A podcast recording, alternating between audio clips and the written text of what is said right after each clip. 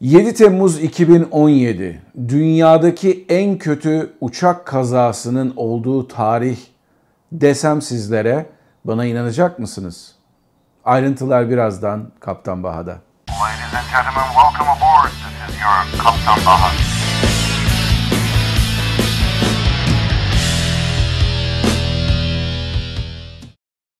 Herkese merhabalar arkadaşlar. Yepyeni bir cumartesi, yepyeni bir Kaptan Baha videosunda sizlerle beraberiz. Biraz önce sizlere söz ettiğim gibi 7 Temmuz 2017 tarihinin dünyadaki en kötü uçak kazasının tarihi olduğunu size söylesem bana diyeceksiniz ki sen bu işi bilmiyorsun Kaptan Baha herhalde değil mi? Oysa hepimiz biliyoruz ki şu ana kadar dünya tarihinin en ölümcül uçak kazası Tam bugün 27 Mart tarihinde 1977 yılında Kanarya Adaları'nın Tenerife veya Tenerif kimin söylediğine bağlı olarak e, öyle telaffuz ediliyor. Aslında Tenerife şehrinde, Tenerife havaalanında meydana geldi. Bu hepimizin bildiği artık insanların en ince ayrıntısına kadar izlediği, okuduğu kaza dünyada bu zamana kadar gelmiş geçmiş en ölümcül uçak kazası. Pan American Hava Yolları'nın bir 747'si, KLM'in bir 747'sinin birbirleriyle çarpışması sonucunda ne yazık ki 583 kişi hayata erken bir şekilde gözlerini yummak zorunda kalmıştı. Ben açılışta size dedim ki dünyanın en kötü uçak kazası 7 Temmuz 2017 tarihinde olmuş desem bana inanır mısınız dedim. Öyle bir soru sordum. Aslında tabii ki inanmayacaksınız çünkü bu gerçek değil.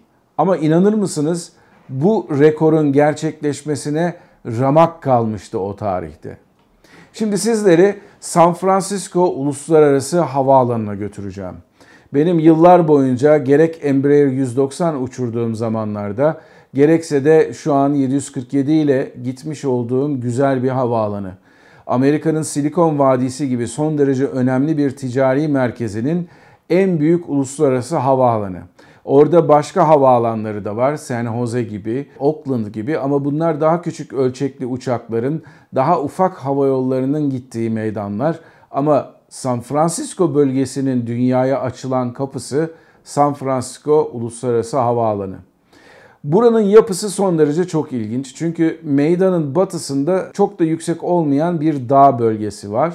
O nedenle Genellikle buradan kalkışlarda 0-1 pistlerinden yapılır. İnişlerde 2-8 pistlerinden yapılır. Ama bazen trafik çok yoğun olmadığı zamanlarda San Francisco havaalanından kalkışlarda, inişlerde 2-8 pistlerine yapılır.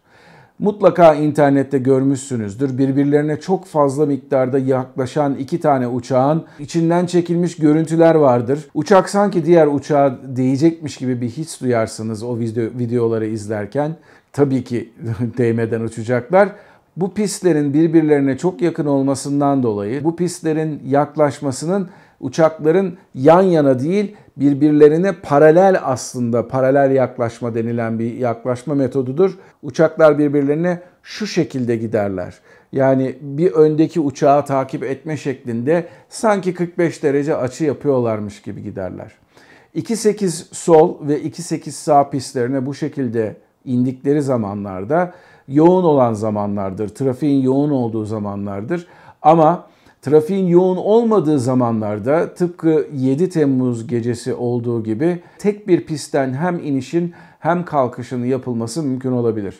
Bunu size anlatıyorum çünkü olayı anlamanız açısından gerçekten çok önemli. Şimdi pistler belli bir yapıya, belli bir genişliğe sahipler. Bu iki pistin her yanında da 2.8 sol pistinin sol tarafında, 2.8 sağ pistinin de sağ tarafında bu pistlere gidecek olan uçakları bu pistlere yönlendirecek taksi yolları vardır. İşte o gün çok ilginçtir ki sol pisti 2.8 sol pisti kapalıydı ve ışıkları söndürülmüştü. Hava yollarının güvenliği, uçuş güvenliği gereği bir pistin eğer kapalı olduğu ilan edilmişse o pistin başlangıç noktalarına koskocaman ama hakikaten koskocaman büyüklükte X şeklinde ışıklı işaretler konulur. Bunları görmemeniz mümkün değildir öyle söyleyeyim ben size. O pistte sizi götürecek olan taksi yollarının da ışıkları kapalıdır. İşte bu size anlattığım gecede aynı bir şekilde sol pistinin ışıkları kapalı, sol pistine giden taksi yolunun ışıkları kapalı.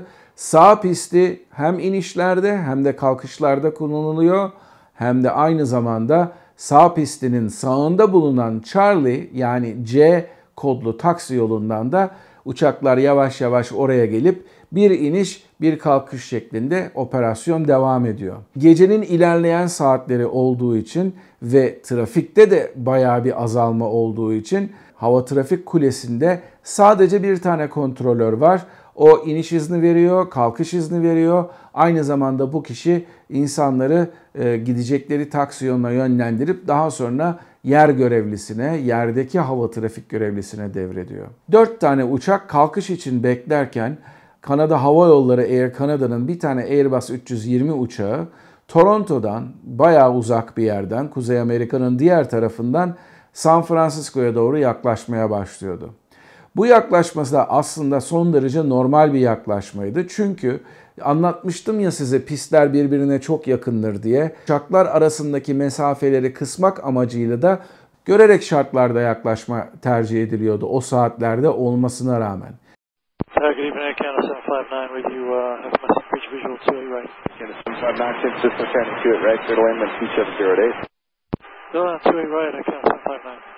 Şimdi şöyle bir göz, gözünüzde canlandırın. Bir pilot olduğunuzu düşünün. Kokpitten dışarıya bakıyorsunuz. Ortalıkta şehir ışıkları var ama aslında karanlık bir gece ve o karanlık gecede siz bir piste doğru ilerliyorsunuz. Görerek şartlarda yapmış olduğunuz bu yaklaşmada sizden istenilen pistin yanında bulunan papi ışıklarının ki bunlar iki tane kırmızı, iki tane de beyaz şeklinde size doğru bir şekilde yaklaşıp yaklaşmadığınızı göstermektedir. Sizin bunları yakalamanız ve o şekilde yaklaşık 3 derecelik bir açıyla piste konmanız beklenmektedir. Hatırlayın buradaki pist yapısı neydi? 2.8 sol, 2.8 sağ. Pilotun kafasında burada iki tane pist var düşüncesi oluştuğu için işte bu düşüncenin doğrultusunda pilot gördüğü iki tane doğrultudaki ışıkları birinin sol pist, diğerinin sağ pist olduğunu düşünüyor. Pilotlar uçağa yaklaştırırlarken San Francisco hava alanına görerek şartlarda yaklaştıklarını biliyorlar. Bu durumda bir şeylerin pek de doğru gitmediğini sezinliyorlar. And uh, Tower, just want to confirm this, uh, Canada 759, uh, we see some lights on the uh, runway there, across the runway, can you confirm a clear to land? Air Canada 759, confirm clear to land, runway 28 right, there is no one on 28 right, flight you. Bu sezgileri sonucunda pilotlar hava trafikle irtibata geçip biz ışıklar görüyoruz pistte gerçekten biz iniş serbest mi bize diye olayı sorguluyorlar. Kontrolör ise burada devreye girip ha merak etmeyin pistte kimse yok iniş serbest diye geri dönüyor Air Canada Hava Yolları'na. İşte burada olay oluyor. Burada takım şeylerin doğruda gitmediğini bu pilotlar hava trafik frekansında paylaşınca kalkış için bekleyen başka uçaklarında bir anda dikkatini çekiyor bu olay. İlk başta bekleyen United Hava Yolları'nın bir sefer sayılı uçağının pilotu frekansta müdahale ediyor. This guy going? He's on the taxiway. Bu, bu adam nereye gidiyor diyor. Ve arkasından da ufak bir beklemeden sonra bu adam taksi yoluna iniyor diyor. Hem pilotların bazı şeylerin doğru gitmediğini düşünmeleri sonucunda ve bu United pilotunun frekansta devreye girmesi sonucunda anlaşılıyor ki bu Air Canada Hava Yolları'nın Airbus 320 kaptanı ki inişi gerçekleştiren kaptan yardımcı pilotta, first officer'da pilot monitoring görevini görüyor. Radyoda konuşmaları yapan o, e, hava trafik kontrolörü Air Canada pas geç diyor. Air Canada, go around. In the go around, Air Canada 759. Air Canada hiç tereddütsüz pas geçmeye başlıyor. Şimdi burada bir noktaya dikkatinizi çekeceğim. Çünkü o kadar ilginçtir ki bu güvenlik kayıtlarının olduğu videoyu tekrar incelediğimizde ve Air Canada'nın pas geçtiği noktaya birazcık daha zoomladığımızda felaket bir şey ortaya çıkıyor. Neden biliyor musunuz? İniş için gelmekte olan Air Canada'nın Airbus 320'sinin ışıkları kalkış için ikinci sırada bekleyen Airbus 340 Filipin Hava Yolları'nın Airbus 340'ının tepesini o kadar yakından aydınlatıyor ki bu noktada hakikaten buna baktığınız zaman arkasından United bu adam tamamıyla üstümüzden geçti diye frekansta şikayette bulunuyor adeta ve bunun sonucunda da hava trafik kontrolörü evet gördüm diyor ve. Uh, heading 280, climb maintain 3000. Heading 280, 3000, uh, count 759. Uh, United 1, Air Canada flew directly over us. Yeah, I saw that, guys. Tabi olay bu şekilde aslında kapanmıyor ama son derece yararsız ve kimseye de yararı olmayacak bir şekilde insanlar bunu frekansta bir kavgaya dönüştürmüyorlar.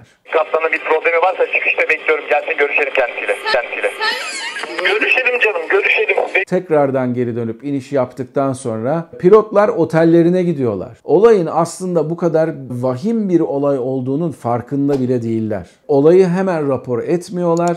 Bu uçak ertesi gün başka pilotlarla Toronto'ya geri uçuyor ve yaklaşık 6 saatlik 5 saatlik uçuş sonucunda da ne yazık ki bir gün önce yaşanan hava trafik olayının kayıtları Cockpit Voice Recorder'da yani bizim karakotu diye namiyane tabiriyle kullandığımız ne yazık ki kayıtlar siliniyor. Fakat United Hava Yolları ki iki tane 787-9 uçağı orada taksi yolunda kalkış için beklemekte. United Hava Yolları'nın aynı zamanda bir tane 737-900'ü var. O kalkış için beklemekte. Ve bir de Filipin'e gidecek olan Filipin Hava Yolları'nın Airbus 340-300 uçağı var. Bunların hepsi rapor ediyorlar bu olayı. Bunun sonucunda NTSB Amerika'nın bir araştırma başlatıyor. Ben size aşağıda bu araştırmanın tüm linklerini, tüm raporlarını sunacağım.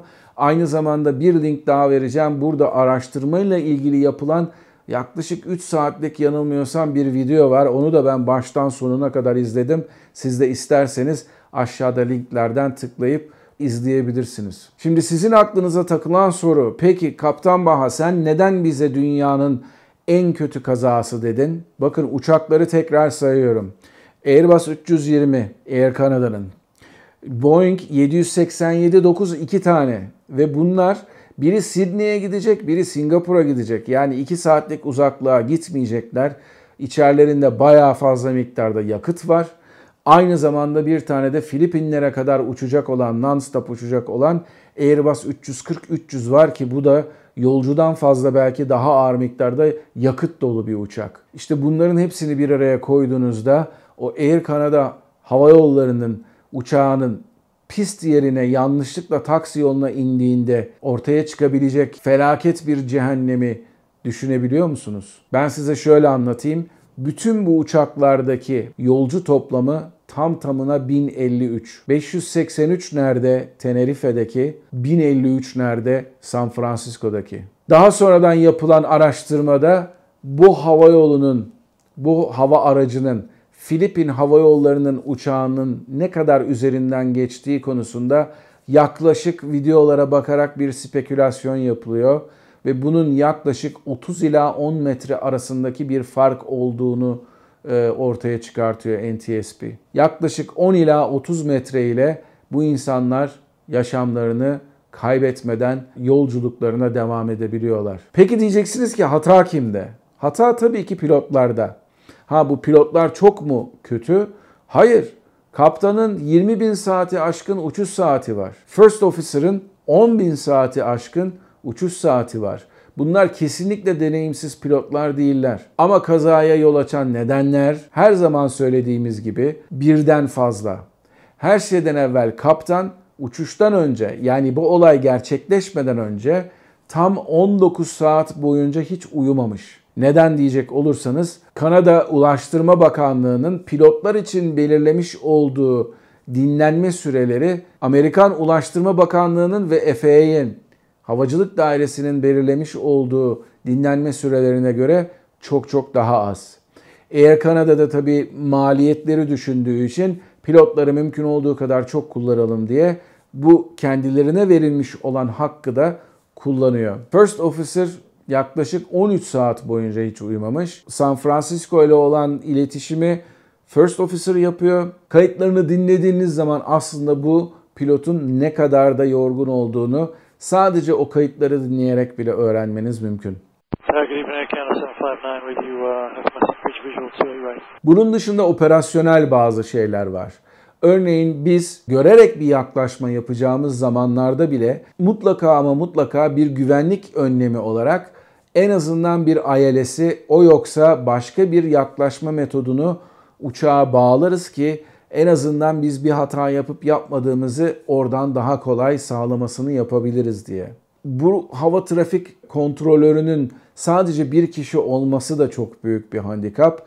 Çünkü bu adam ne yapsın? Gelenlerle mi ilgilensin, gidenlerle mi ilgilensin, kalkan trafikle mi ilgilensin, herhangi bir taksi yolunu kaçırmış olan başka bir trafiğe mi söz anlatsın? İşte bu nedenle bu da kazanın, olabilecek kazanın en büyük etkilerinden bir tanesi. Bu olay sonunda sizin aklınızda olan soruyu ben şimdiden size sorayım, cevabını da vereyim. Bu pilotlar işten atıldılar mı? Hayır. Bu pilotlar işten atılmadılar. Bu pilotlar bu şekilde bir hata yaptıkları zaman hatalardan öğrenilmesi, ders çıkarılması amacıyla genellikle aslında araştırmada da kullanılan insanlardır. Bu pilotlar daha sonradan işten atılmamalarının sebebi insanların bu pilotların eğitilebilir olmalarıdır. Bir pilot kolay yetişmiyor. Bir pilotu bir iş yerinde tutmak her zaman için daha büyük bir avantaj. Eminim onlar da bayağı geriye baktıklarında biz ne yaptık diye düşünmüşlerdir. İşte bunun muhasebesini yapıp, bunun araştırmasını yapıp bu hataların bir daha ortaya çıkmamasını sağlamak en önemli bizim alacağımız derstir havacılık konusunda.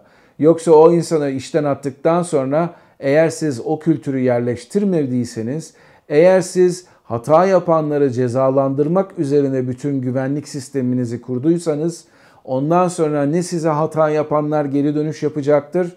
Tıpkı Türk Hava Yolları'nın Airbus 321'inde sert iniş yapıp ondan sonra abi kimseye söylemeyelim biz gidelim evimize diyen pilotlar gibi ne de ondan sonra biz yaptığımız hatalardan öğrenerek kendimizi geliştirebilecek bir hale geleceğizdir. Bu kurumlarda öğrenmek, hatalardan ders almak, hatalardan ötürü insanlara ceza vermekten çok çok daha önemli. Bugün biraz uzun bir video yaptım. Dediğim gibi bugün Tenerife kazasının yıl dönümü ama bu konuda o kadar çok şey anlatıldı, yazıldı, çizildi ki biliyorum bir de Kaptan Baha'dan duymak istersiniz ama ben sizlere tamamıyla bu zamana kadar duymadığınız, bu zamana kadar rastlamadığınız ve bundan sonra da başka başka olaylarda ilk defa benim size anlatacağım bir takım olayları anlatmayı her zaman için tercih ediyorum.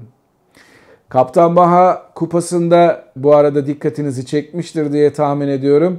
Kaptan Baha kupasına sahip olmanın bir yolu var. Kanaldaki katıl tuşuna basıp kanalımıza destek olduğunuz zaman bir, bir tane Kaptan Baha kupası sizin olacak. Kanaldaki videoları paylaşmayı unutmayın. Kanala abone olmayı unutmayın. Aranızda hala abone olmamış olanlar var. Ve Instagram'da da beni takip etmeye devam edin lütfen. Şimdilik mutlu kalın, esen kalın ama her şeyden önemlisi sağlıklı kalın. Görüşmek üzere, hoşçakalın.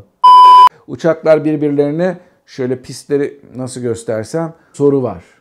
Söyleyemedim. Bir tane Kaptan Baha tuşu